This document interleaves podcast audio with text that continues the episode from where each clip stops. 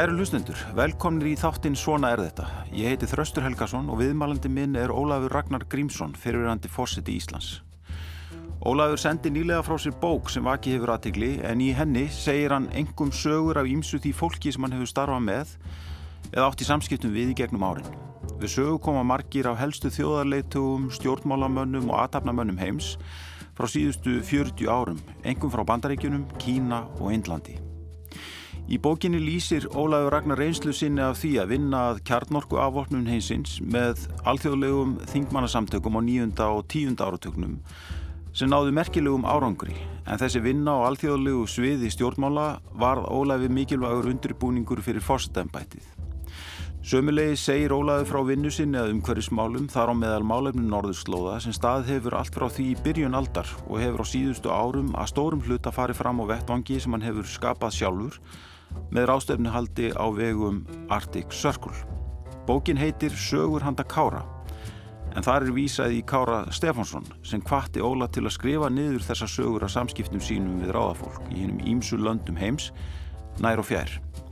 Í bókinni byrtist ákvæmlega forvitnileg mynd af þessum fyrirverandi fórseta Íslands, víðáttum miklu tengslanetti hans og alþjóðlega sviðinu, verkefnum sem hann hefur komið að á því sviði sem hann sjálfur hefur ekki haft hátt um hér á landi og sín hans og alþjóðasamskipti bæði mikilvægið þeirra sem slíkara og aðferðirnar sem hann hefur notað til svona árangri. Ólaður Ragnar er stattur út í London þegar viðtalið er tekið 5. daginn 14. januar og í fréttum eru annars vegar harnandi sóttvarnaraðgerðir víðast hvar í Evrópu og svo yfirvóandi óerðir á vegum stuðningsmanna Donald Trump í flestum ef ekki öllum ríkjum bandaríkjana nú um helgina. Við byrjum samtalið þar.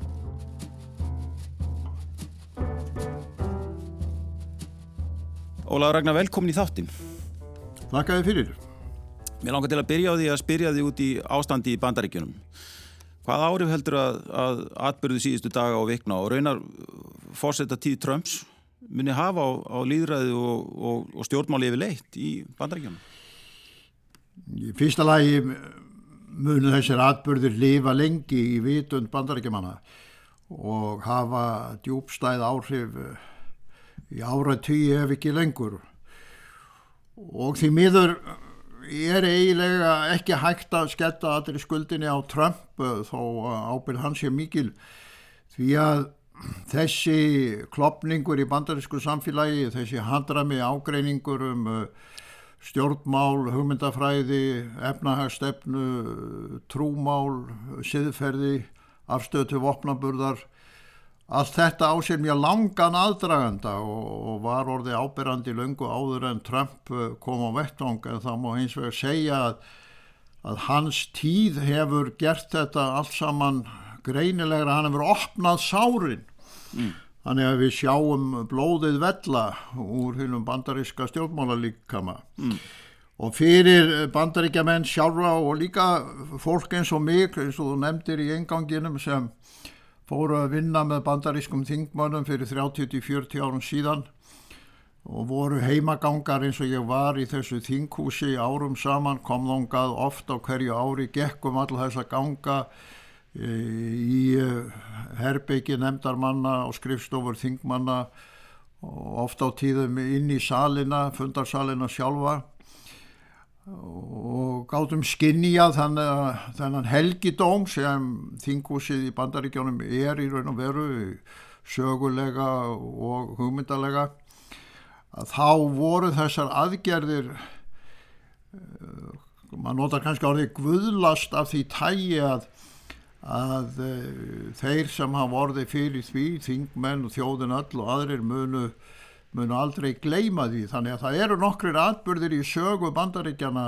uh, þrælastriðið á sínum tíma morðið á Kennedy uh, uh, fjöldagöngurnar baráttan gegn Vietnamstríðinu sem hafa haft djúbstæð áhrif og ég held að þessi atbyrður muni hafa það. Og eins og við sjáum bara núna síðasta sólarhing myndirnar af Uh, hermönum í, og þjóðvarliðum uh, í fullum vopnaklæðum mm. á göngum og hliðarsölum þingúsins mm. það, það er nánast uh, sín og veruleiki sem að enginn hefði geta gert sér í hugalund og bara það eitt, ekki árásin og þingusi sjálft, þetta líka bara sjá uh, þessar hersveitir uh, hafa tekið yfir þingusi til þess að þeir geti látið nýjan fórsett að taka við völdum, það er slíkur hryllingur ef maður orða það svo að, að áhrifin munu verða mjög djúbstæðu og langvarandi, það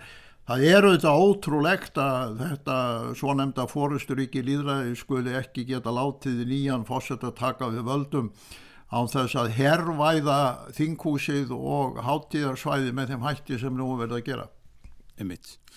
Ég hef verið að lesa uh, nýja bók Obamas, uh, The Promised Land og hann bendir á ímis vandamál í þessu samfélagi sem eru djúbstæð sem uh, honum og öðrum stjórnmálum hafi ekki tekist að laga ráði, grasserandi kynþáttaeikju, misskipningu öðus og jafnastöðu hvað var að réttindi til heilbreyðistjónustu og mentunar og svo framvegis. Nú, nú, nú þegar að sko líðræðið er líka að brotna eh, er, er spurning svona hvort að þessi þjóð getur lengur talist fórustu þjóð í heiminum eða hvað? Hvað, hvað er hægt að segja um það? Hún er náttúrulega vissan hátt fórustu þjóð í ljósi þess að efnahagskerfið er enn upplugt mm. og þeir eru tvímaralaust mesta herrveldi heims. Jafnveg þó leggir saman herstyrk, breyta, frakka, kynverja og annara mm. þá nær það ekki herstyrk, herstyrk bandaríkjana. En Ég hef verið þeirra skoðunar í nokkur ára að, innri vandamál bandaríkjana væri orðin svo djúbstæð þessi margþætti klopningur þjóðarinnar mm. að e, það yrði ærið verkefni og í raun og veru aðalega verkefni þjóðarinnar og fórsveistarinnar e, ekki bara á næstu árum heldur jafnvel næstu áratugum að reyna að græða þau sár mm og ríki sem ávist líkan vanda að etja heima hjá sér og sérstaklega á tímum þar sem að allar myndir fljúa um heiminn allan og, og hver einasta mannsbarn á nettirum getur verið áhorfandi að þessari atbyrðarás. Hún mun eiga mjög erfitt með að gera tilkall til þess að hafa þannig fórust og heimsvísum að önnu ríki eigi að fylgja fordæmi þeirra. Þýleiti eru við líka að sjá nýtt skeið í valda hlutvöldum heimsins þar sem ríkin í Asíu eru óðum að taka við þessu fórustu hlutverki mm. og, við, e, og við Evrópu blasir það hlutverk að vera kannski aðal framvarðasveit líðræðisins á næstu árum og áratugum. Heldur að ástandi í bandrækjunum og, og þessu hlutur sem þú nefnir uh, muni verða verri áður en þeir batna að, að ástandi muni versna áður en það batnar Ma, maður sér ekki fyrir sér að þessi pólitísku svona öfgahópar sem hafa sprottið af klopningum á meðal þjóðarinnar uh, og þá kannski engum efnaðslegum uh, mun ekki draga í land svo öðlega eða hvað? Nei, nei, mun ekki draga í land og jápil þó Trump myndi ákveða að spila bara golf þar sem eftir væri æfinar uh, þá myndi vandin ennþá vera til staðar. Já. Það er stundum kostur að hafa verið gammal professor í stjórnmálafræði þegar maður horfir á þessu atbyrðar á oss. Og í stjórnmálafræðinni þá uh, tölum við oft um klopningslínur eða það sem á ennsku kallað cleavages. Mm. það er að segja að það eru þeir þættir sem skipta þjóðum í fylkingar og við þekkjum það heima hjá okkur. Ólík hugmyndafræði til vinstur og hægri mismöndi afstæða til efnaðismála og í flestum Evrópuríkjum eru þetta svona tveir, þrýr eh, klopningsnættir en í bandaríkjánum eru þeir orðið sex og jafnvel fleiri afstand til vopnaburða, siðferðis, fóstureyðinga, trúmála og svo framvegis. Og sangkvæmt fræðunum að þá eh, á samfélag sem er orðið svo marg klófið eins og þið bandaríska mjög erfitt með að ná einhverju samstöð og það sem Trump gerði var í raun og veru að sín okkur þennan veruleika.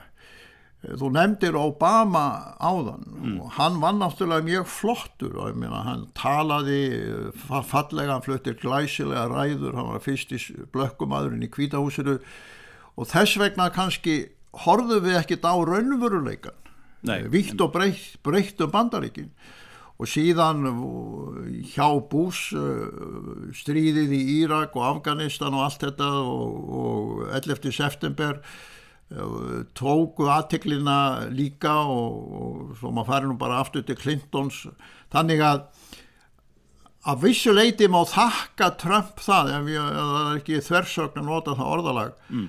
að hafa dreyið tjaldið frá og sínt okkur þennan veruleika, sínt okkur sárin, sínt okkur klopningin, sínt okkur hatrið, sínt okkur anstæðunar sem hínir fórstættandi voru mjög flinkir við að fela. Já einmitt. Ég finnst fornilegt að, að, að lesa þína bók og bóka, bóka Obama samhliða því það er uh, samhljómur á millikar um það hvernig bandar í stjórnkerfi virkar. Obama lýsið í hvernig hann þarf að berjast við þingi til þess að koma málum sínum áfram og þú lýsið í að leiðin til að þess að ná árangur inn í bandarísku stjórnkerfi er einmitt að tala við þingið en ekki fórsetan og sko maður mað setur svolítið uppi með þá tilfinningu eftir að lesi bók Obama og þá spurningu hvort honum hafi reynilega mistekist í fórstíði sinni. Ég held að stötta svari við þeirri spurningu sé afturáttalöst já mm. og ég hef hugsað að hann myndi viðurkenna það sjálfur já. og ég hef dátt samræður við fjálmarka bandaríska fórustumenn á síðustu árum ímsa sem voru mjög nánir Obama og, og voru áhrifaríkir í þingjunu meðan hans öldugandildinni meðan, meðan hann var fósiti mm. og eh, honum var ekki vel lægið að búa til stuðnisfylkingar í þingjunu, hann var ómikið predikari til þess. Já.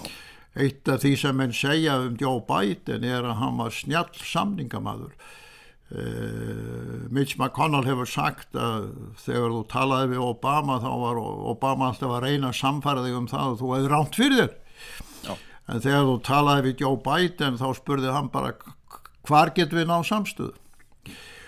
Og uh, og því leiti sko afhjúpaði Obama það sem að mörg okkar hafa vitað lengi og ég er einnig nú útskýrað fyrir íslensku ráðamönnum þegar þau voru að glíma við stjórnvöld í bandaríkjónum að ef þú ætlar að ná áhrifum í Washington þá verður það að gera það í gegnum þingi þú verður að fá aldungadettar þingmenn eða fötturódettar þingmenn með þér í lið eins og mér tókst á sínum tíma og ég lýsi í bókinni í nokkrum sögum. Nei, en var til dæmis algjörlega vannrækt varðandi tilraunina til að hafa bandarinska herin áfram, eh, áfram á Íslandi.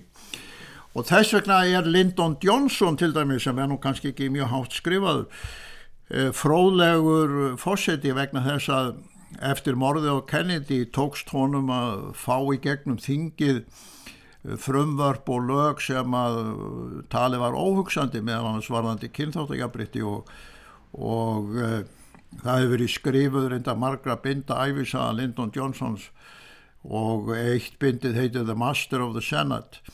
Og það er mjög snjöld lýsing, þúsund blaðsjur á því hvernig það er að ná áhrifum í bandaríkjónum og, og því leiti má segja að, að ferill Obama sé ferill árangusleisis hvað þetta snertir. Já, þú heldur því fram í bókin að fyrst og minnist á það að ef Davíð Ottsson og Haldur Áskunnsson hefðu talað við bandaríska þingi en ekki George Bush bandaríkifósita í ferðsynni til Washington árið, hvað var það, 2004 hefði verið hægt að koma í veg fyrir að herin færi frá kemlaðik Já, ég segi það nú kannski ekki alveg svona bratt eins og þú uh, dregur það saman en það eru tvær sögur í bókinni sem varpa ljósi á uh, þessa aðferðafræði mm.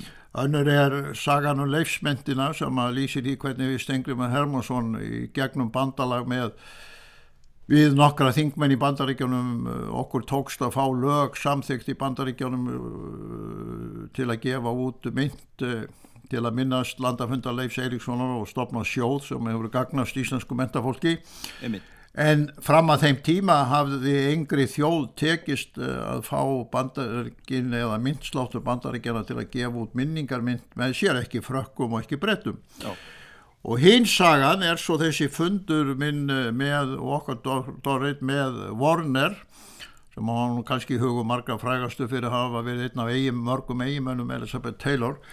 En, en hafði í ára raðir verið formaður herrmála nefndarinnan í bandaríkjónum og allar herrstöðir hyrðu undir hann. Já. og þegar ég hitti hann á skrifstofa hans þá kom í ljós að þótt að þetta væri kannski ásand varnamálar á þeirra hann valdamesti maður í málefnum bandaríska hersins og, og gæti haft afgerandi áhrif á herstöðar þá hafði engin íslendingur tala við hann og hann segir forundrandi það er aldrei nokkur maður komið hingað og tala við mig um Ísland Já. en íslenski ráðamenn á þeim tíma að mínu dómi gerðu þau mistökam á orðaða þannig að uh, halda bara með einhverjum persónusambundum við George Bush gegnum Jepp bróður hans og Kopp fyrirverðandi sender að væri bara að retta þessu Já.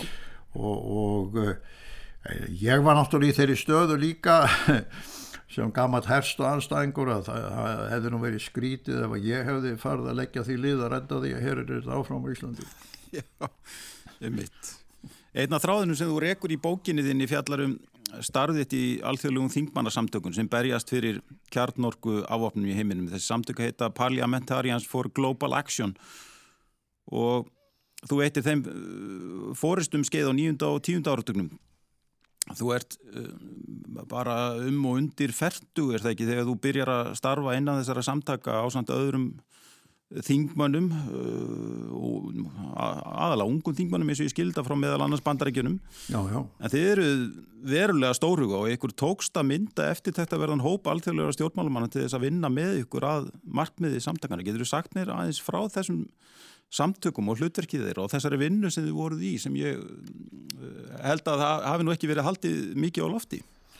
Nei, nei, það er alveg rétt hjá þeirra. Ég var svo sem ekkit að tíunda þessa vinnu á Íslandi, ekki vegna þess að hún væri einhvað leindarmál, en ég held á þeim tíma hefði mjög erfitt fyrir menna á Íslandi að skilja hvað fólst í þessu og kannski núna 2021 er líka erfitt fyrir fólk sem ekki mann tíma kaldastrýsins að gera sér grein fyrir því hvernig veröldin var í hel fjöturum kaldastrýsins mm. þar sem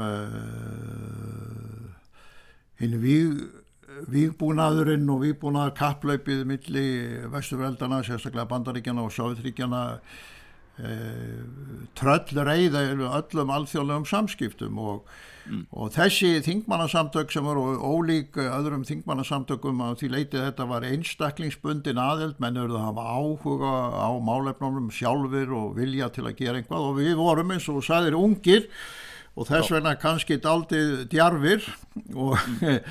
og tilbúinir ímsa leiðangra en ég held líka líkillin af árangur okkar hafi að hluta til verið sá að við ræktuðum líka ímsa eh, eh, bandariska sérfræðinga úr háskólasamfélaginu og líka ímsa sem að voru áhrifamenn í, í embætisleiði eh, og ríkistjóð Kennedys og voru Akkurat. á reikantímanum í eins konar pólitískri útlegð og ég vann þess vegna áruð saman með mörgum af þeim sem að þú lestum í sögubókum þegar þú vart að lesa um fórsættíð John Kennedys eins og til dæmis Sörensen ræðurittara Kennedys Já. En við fengum þá hugmynd að til þess að reyna að rjúfa eh, þessa, þessa andstöðu og þessa, þessa helfjötra sem við búin að kapla upp í hjælt veröldin í þá myndum við fá nokkra þjóðarleittoga eins og Radju Gandhi, Ólaf Palme og ýmsa aðra til þess að mynda hóp sem eh,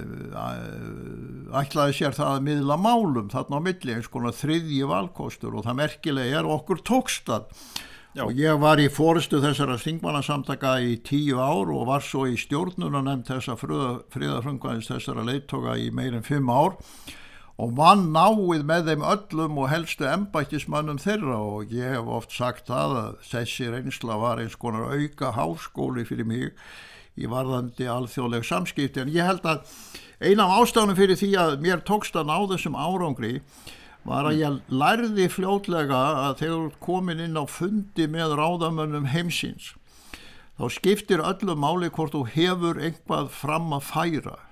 Ertu með einhverja efnistækti sem skipta máli fyrir þann sem þú ert að tala við?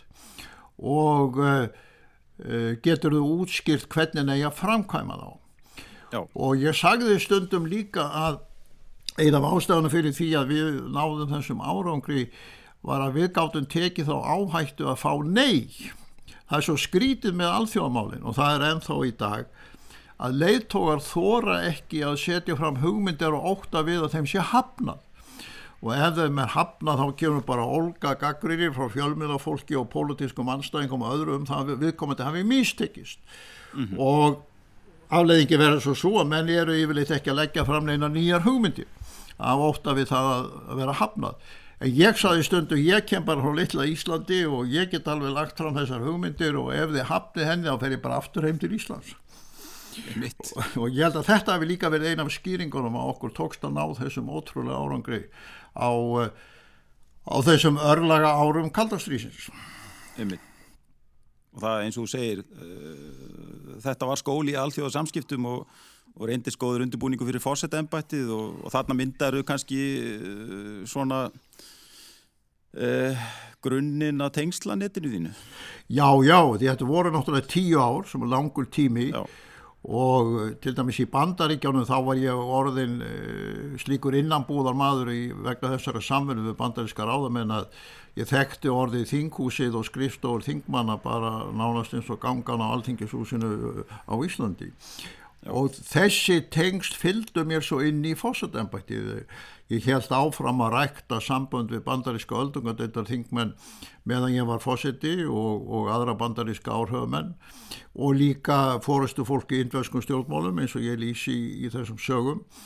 Og eh, eitt af því sem ég lærði er að þú yfirgefur ekki vinnina þó að þeir missi völdin um tíma. Og, eh, og það gagnaðist í Íslandi mjög vel eins og þessar sögur sína með marguslegum hætti mm. en það er kannski mitt í ljósi þessa sem að mér finnast þessir atbyrðir í bandaríkjónum síðustu dag að vera svo hríkalegir vegna þess að ég þekki þessi húsakinni svo vel ég, ég veit alveg hvers konar tilfinningar eru í brjóstum bandaríkjamanna sjálfa sem eru í þingusunu og stórsluta þjóðarinnar og þegar þeir sjá þessar helgimynd líðræðisins mölbrotn á golfinu og, og hundruður ef ekki þúsundir uh, hermanna í fullum uh, vopnaklæðum uh, inn í þingusinu þá þá held ég að menn mun ekki ná sér um ára raðir og það er Það er svo ólíkt þeirri mynd sem ég þekkti á þessum tíma þegar ég var þarna í fórustu vegna þess að þá gæti ég gengið inn í þinghúsið bara hvar sem var. Það var kannski einn maður svona við hverja dyr og sem að þú fóst í gegnum einhvað svona tæki en það var, það var engar hindræn og ég bjó ofta á hóteli þarna rétt hjá þinghúsinu og og hljópa á mótnarna svona millir 6 og 7 kringum þinghúsið og á þessum svölum þar sem og tröppum þar sem að múurinn sástu um daginn. Og það var engin, það var engin sem stoppaði mig. Nei, nei, nei. En maður skinnjar það stert að þú hefur alveg frá því snemma á ferlinum haft svona sterka þörf og, og og ambisjónir til þess að hafa áhrif og þá ekki bara á það sem var að gerast hér á Íslandi heldur líka í alltíðamálum Já, vissan hátt er það rétt eh, í þeim skilningi að ég hef alltaf haft megin á, áhuga á verkonum sjálfum, kannski ekki stöðunni eða framanum, heldur að uh, koma einhverju til leiðar. Og eitt af því sem ég lærði fljótlega í þingmannasamtökunum er að þú getur komið frá litlu landi með nánast ekkert á bakvið þig En ef þú hefur hugmyndir og áræði og þór til að útskýra þér og leggja þér fram og tekur áhættuna af því að, að fá neitun, þá getur þau náð ótrúlegum áhrifum. Já. Og uh, þó að það hljómi kannski undarlega því að menn halda nú að þeir sem er í stjórnmálum hafi fyrst og fremst áhuga á einhverjum stöðum og frama og svo framvegis, þá var ég alin upp þannig fyrir vestan og í föðurhúsum að hugssjónirna væru aðalatriði.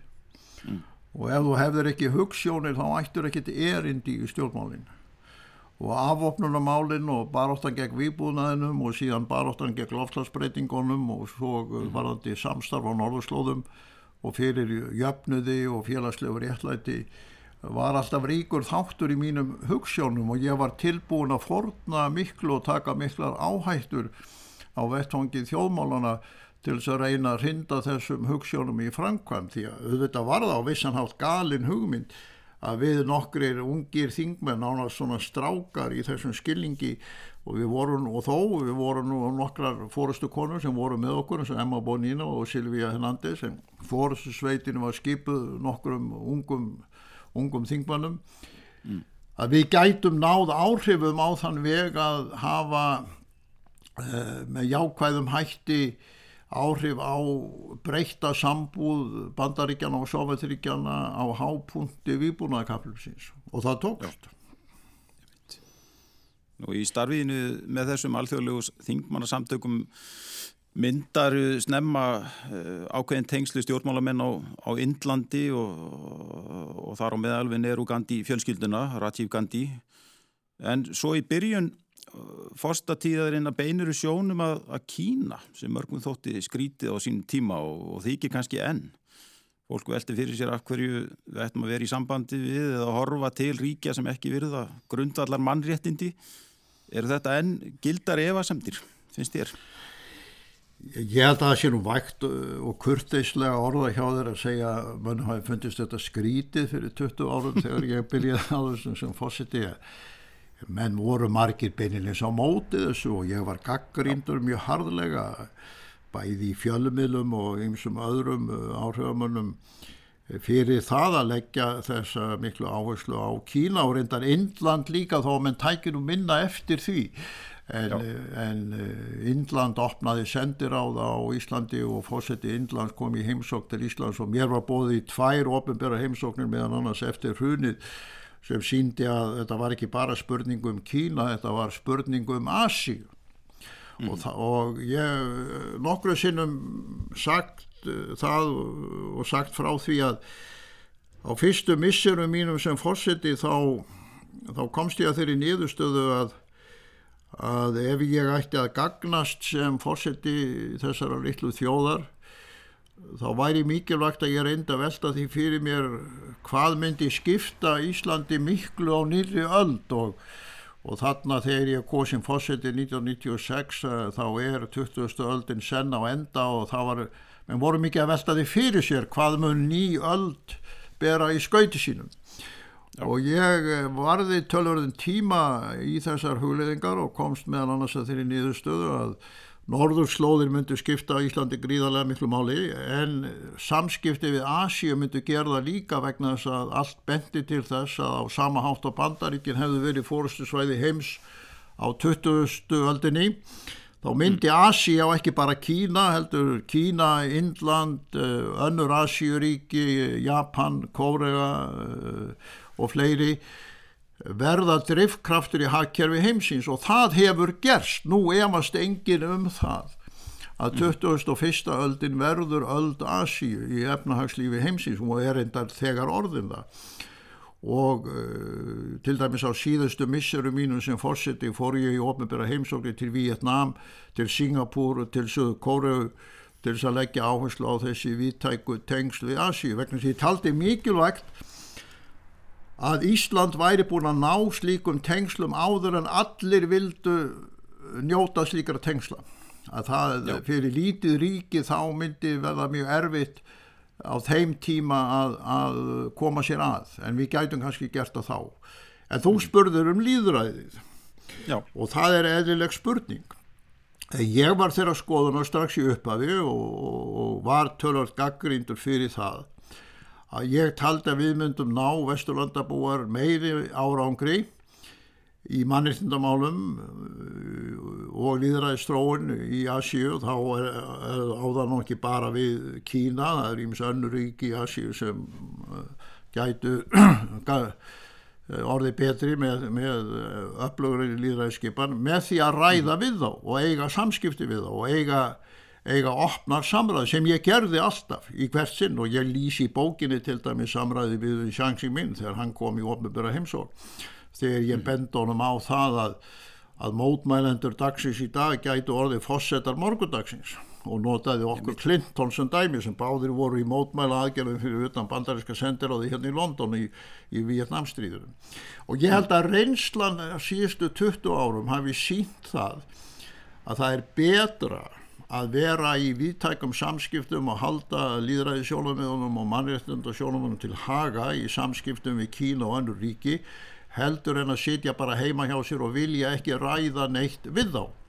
Og gleymum því heldur ekki sem ég segi stundum við félag okkar í Evrópu að á fyrstu árum minnar æfi voru bara sex líðræðisríki í Evrópu allt meginland Evrópu var undir annarkvört fasistastjórn, nazistastjórn eða kommunistastjórn þannig að það er tilturlega nýtt fyrirbæri í nútímanum að gjörföll Evrópa sé undir líðræðislegu stjórnskipulagi.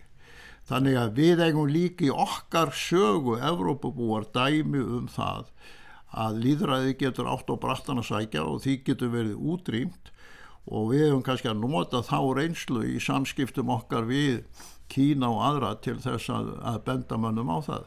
Og ég, ef ég má, ég veit að þetta verður dátir langt svar en ég segja þeir eina sögu til að útskýra þetta sem er dátir skemmtilega að á, á nokkuð snemma á mínum ferli kom til landsins rektor kínversk háskóla sem reynda var líka þingmaður á, á þingi alþjóðunar í Kína og ég átti fund með honum uh, í bólstofinni á bestu.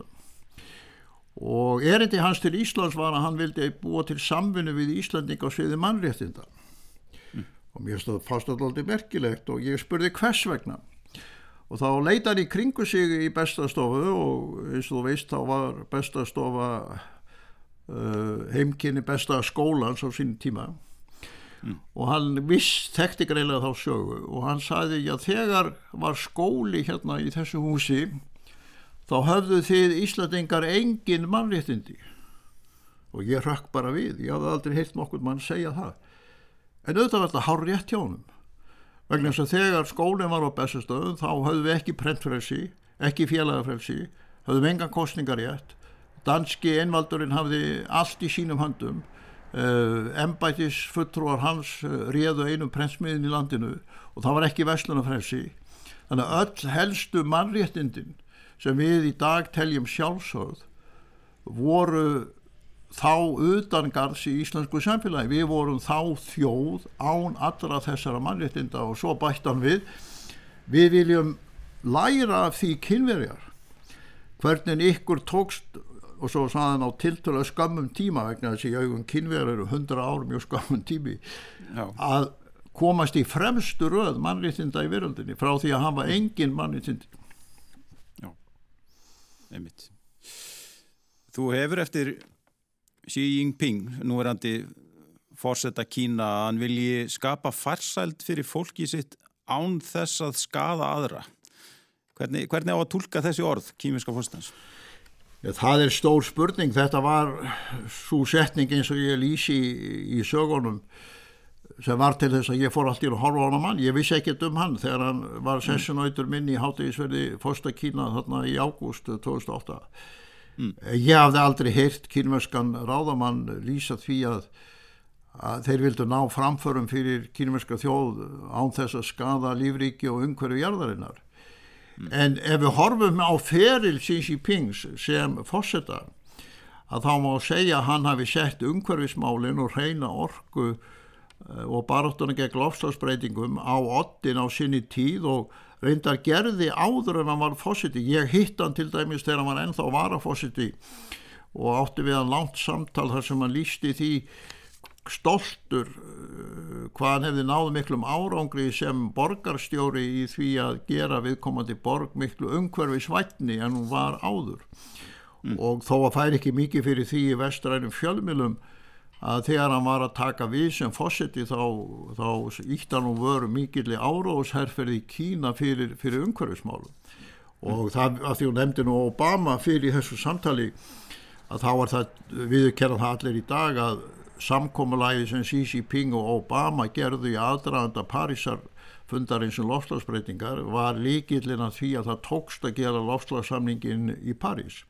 Akkurat. og Og þó að enginn hefði trúað því fyrir tíu árum að þá er Kína í dag fórusturíki heimsins í vindorku, e, í, í rafvæðingu e, umferðar, í, e, í sólarorku og í samfunnu við okkur Íslandinga Artigrín Energi líka, líka, líka í jarðhitta. Þetta eru áfram gríðarlega vandamál vanandi nýtingu kóla og annara eh, slíkra efna en Kína er tvímarlaust í dag undir fórustu Xi Jinping í fremstu röð varðandi alla þess að þættir heitnurar uh, orgu og, og nú hafa þeir bóðið heiminum til mikillar ástefnu um, um uh, biodiversity eins og það heitir á ennsku uh, lífræðilega fjölbreytileika og það segir líka sína sögu að kynveirar ætli sér að vera geskjafar í, því, í, í þeirri samræðu að okkur takist að varðveita plöntur og dýr og aðra eðlistætti lífriki sjarðarinnar betur á næstu áratugum en okkur hefur tekist fram, fram að þessu. Þannig að ef þú horfir á þessi 20 ár eh, mm. frá því að ég byrjaði að tala um Kína í, sem fósiti þá held ég að, að niðurstaða nú sé að tvímaralöst svo að það hafi verið rétt að fara í þetta samstarf og þessar samræður. Já.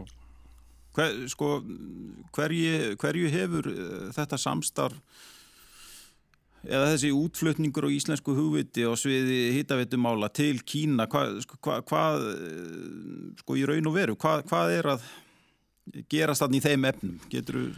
Já, einfalda svari er að það er langt stærsta og mikilvægasta framlag Íslands til umhverfismála á, á heimsvísu enn sem komið er. Og það er eiginlega merkilegt hvaða ríkir mikil þögnu uh, og vankunóta um það á Íslandi hvers konar árangri íslenskir aðtapnamenn og íslenskir verkfræðingar og íslenskir sérfræðingar og vístamenn í jarð þetta hafa náði Kína mm. uh, samvinna Artigreen Energy og Sinopec stærsta orkufyrirtækis Kína hefur leitt til þess að það er búið að byggja hundruð hittaveitna í Kína. Mm -hmm og það er búið að loka sem sagt kólakindingum og þar með e, breyta menguninni í gríðarlegum fjölda borga og, og nú eru áformum að gera þetta áfram með enn reysavaksnari hætti. Þannig að, að það viður kenna allir sem þekkja til í jarðhittageiranum að stæstu jarðhitta framkvæmdir á síðustu tíu árum í veröldinni hafa verið í samfunnverkefnum Íslandinga og Kína hittaveitur í Kína og það er eina af ástæðum þess að, að næsta heimsþing jarðhittans verður, hérna, verður í Kína. Og, og það er mjög fróðlegt að heimsækja þessar hittaveitur sem hafa verið reistar í Kína og tala við þetta fólk sem að núna býr við eh, betra loft og minni mengun og, og þetta meiri hýta og vegna þessi svo ég nefni nú stundum að, að auðvitað er hörmulegt hvað það degja margir eh, vegna COVID-faraldurinsins mm. en allþjóða helbreyðistofnunin hefur bent á það núna á síðustu árum að árlega degja 7 miljónir manna vegna mengunar í borgum Já. og þa það er aðalega vegna þess að það er kólakinding eh, eh, eða oljukinding og önnur mengandi kinding í borgunum þannig að hýtaveitu framkvæmdinir í Kína eru ekki bara orkuverkefni, það eru líka helbriðsverkefni og, og auka lífslíkur barna og fólks með þeim hætti að við getum verið mjög stoltir af því og á heimsvísu uh, viðkenna allir þetta mikla uh, frumkvæði Íslandinga og mikilvægi þessa kynverska íslenska mótels og það er á ástæðinu fyrir því að á, á loftlagsrástefninu í París var stopnað heimsamband jarðitans þar sem Ísland og Frakland voru í for, fórustu og það heimsamband hefur svo haldið áfram að starfa og halda fundi í samfunni við Ærína al, alþjóðstofnun endur, nýjanlegur orku. Þannig að að það er, tel ég ekki hægt að finna neitt annað verkefni sem á heimsvísu er jafn mikilvægt framlag Íslandinga til lofstafsmála og eina af ástæðan fyrir því og ég þekki það vel að nú eru margar þjóðir að skoða þetta íslenska kínverska móten og vilja endur taka það heima hjá sér.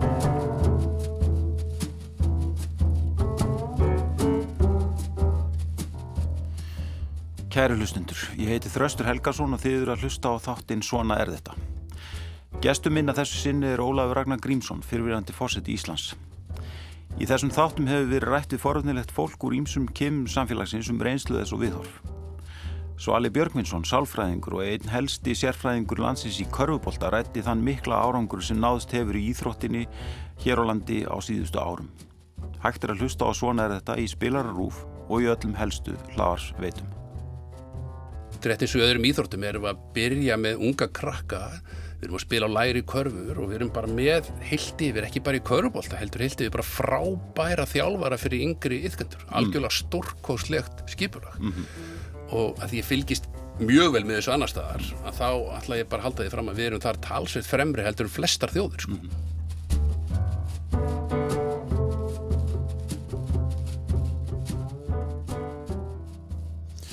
uh, Undir lok eh, fórsetta tíðarinn að skaparu þennan vettvang sem að Arctic Circle er til þess í raun að geta haft áhrif og haldi áfram að vinna um hverjusmálum og, og sérstaklega málefni norðurskautsins sko hverju er mikilvægast að ná fram á þessum vettvangi á næstu missurum á árum og þá kannski sérstaklega hvað var þar norðurskautið?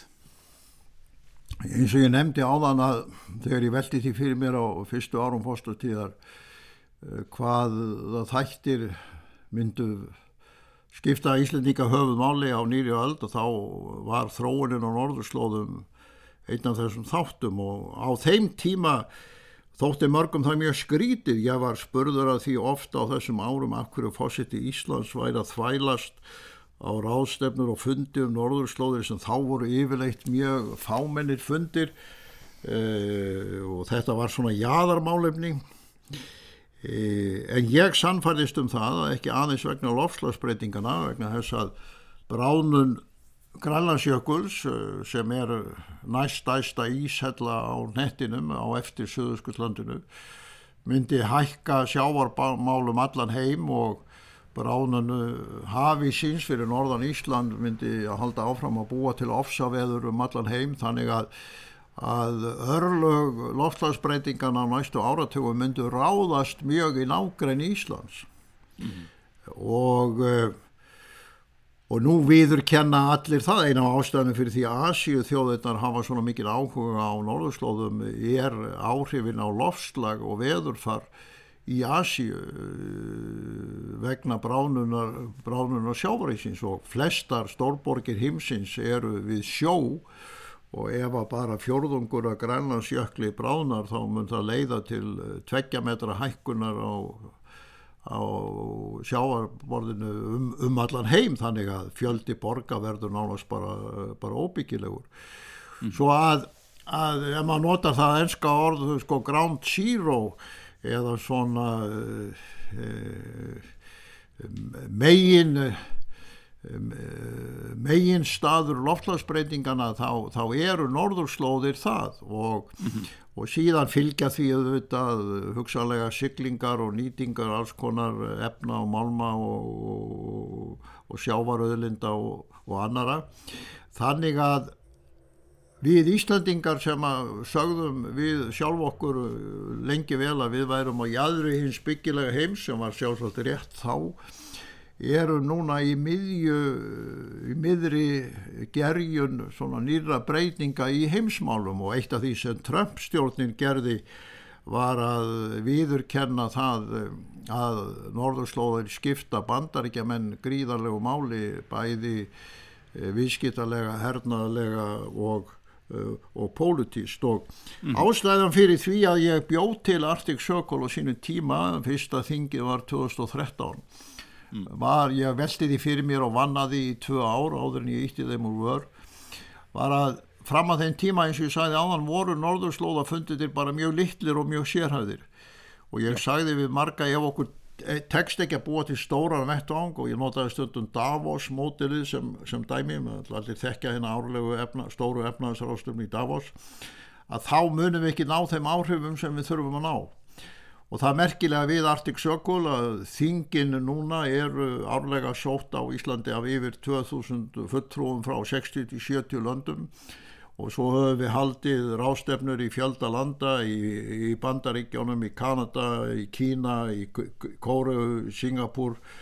Og á næstu misserum þegar COVID-faratur leifir okkur í Berlín, í Tókjó, á Grænlandi og í Abu Dhabi að með þeim hætti er Ísland orðið megin umræðu vettvangur og samkomu vettvangur þessara nýju heimsmyndar og það mm. gefur íslenskum vísindamönnum, íslenskum þjóðarleittógum, íslenskum umhverfisamtöngum, íslenskum viðskiptalífi gríðarleg tækifæri sem við höfðum ekki, uh, höfðum ekki áður því að nú viður kenna allir og þú þarft ekki að annað en flett upp umræðinu um Kína og Rúsland á norðurslóðum og Bandaríkin á norðurslóðum og svo framvegis að uh, norðurslóðurnar eru orðnar svona megin svæði í henni pólutísku og efnagslegu heimsmynd.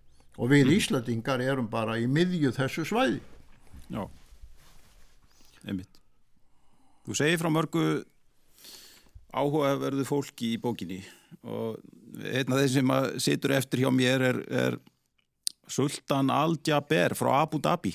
Já, já. einu helsta oljuríki heims. Þú segir já, að vandin sem heimurinn stendur fram með fyrir sem sé valið á milli oljun og reynar orku búi í þessum manni.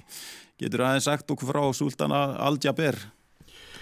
Já, hann er stór merkilegur og, og hefur orðið mikill vinnuminn en Ég sá hann fyrst uh, sitja út í sal, hóvaran ungan mann uh, á rástefnu í New York sem við Jeffrey Sachs byggum til um lagslagsmál fyrir tæpum 20 árum síðan og svo kom hann til Íslands og var að leita eftir samstarfi við Ísland, var það til hreina orku og það var til þess að ég fór að fara til Abu Dhabi og og þar eh, kynntist ég þessari merkilegu þversögn á sama tíma og þeir hafa aukast mjög í krafti óljunar mm. að þá hafa þeir orði fórusturíki varðandi hreina orku og, eh, og umhverfismál og hinn árlega stórþing sjálfbarni sem að þeir halda í Abu Dhabi í janúar orðin svona megin vettvangur heimsins og, og lengi vel var sultan í fórustu fyrir því að byggja það sem að heitir mastar sem er eins konar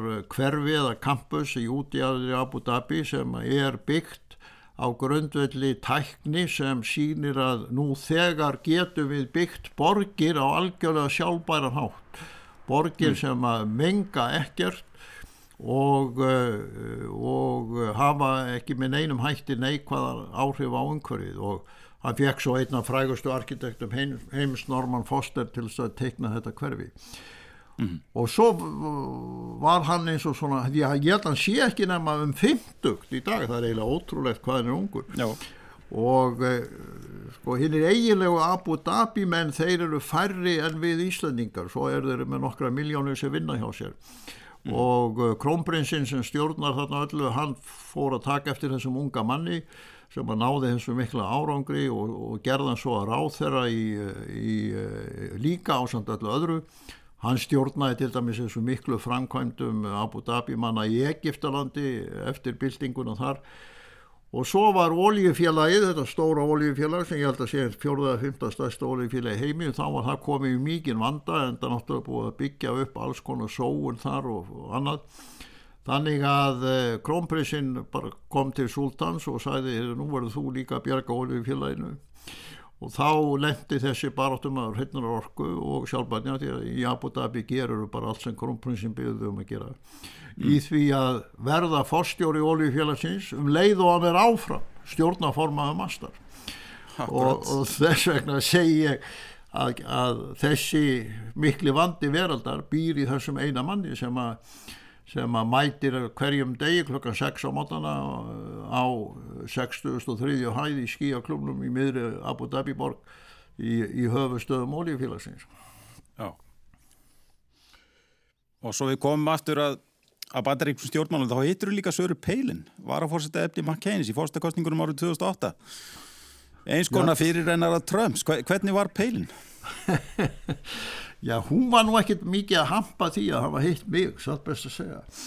Og uh, það var aldrei fyndið að þegar hún var, var að fá stefni uh, John McCain og var heimsfræg á svipstundu og þá fóru demokrater að uh, gaggrína hana og hlóðu mikið að því að hún hefði aldrei heitt neitt nærlanda ráðamann og, og, mm. og, Sarah Palin og Rebecca, þeim fannst ekki taka því að nefna mig.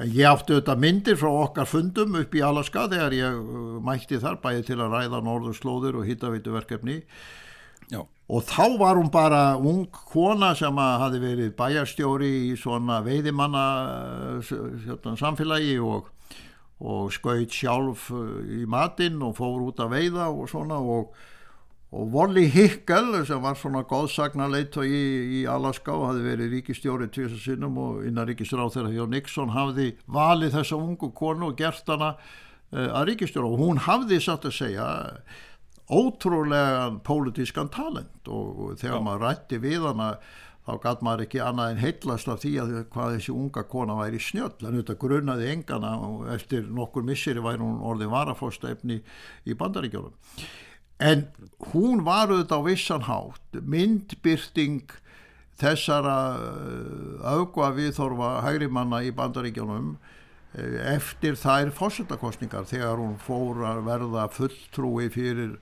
The Tea Party eins og það var kallað og halda mm. þessum sjónamiðum á lofti í bandarískum fjölmilum.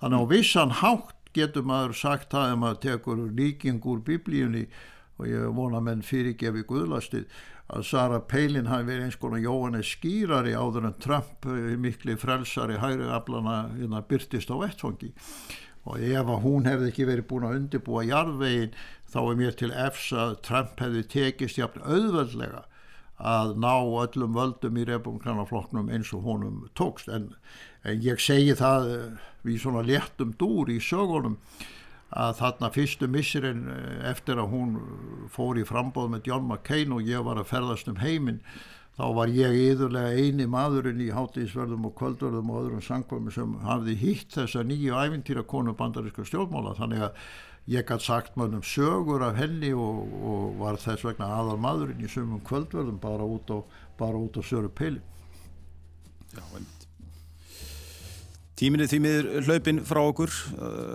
Það var gaman að fá því í þáttinn, Ólaður Ragnar. Takk fyrir komina. Já, takk að fyrir kjallaga. Takk að fyrir. Kæru lusnundur, við verðum hér aftur að viku liðinni. Góða stundir.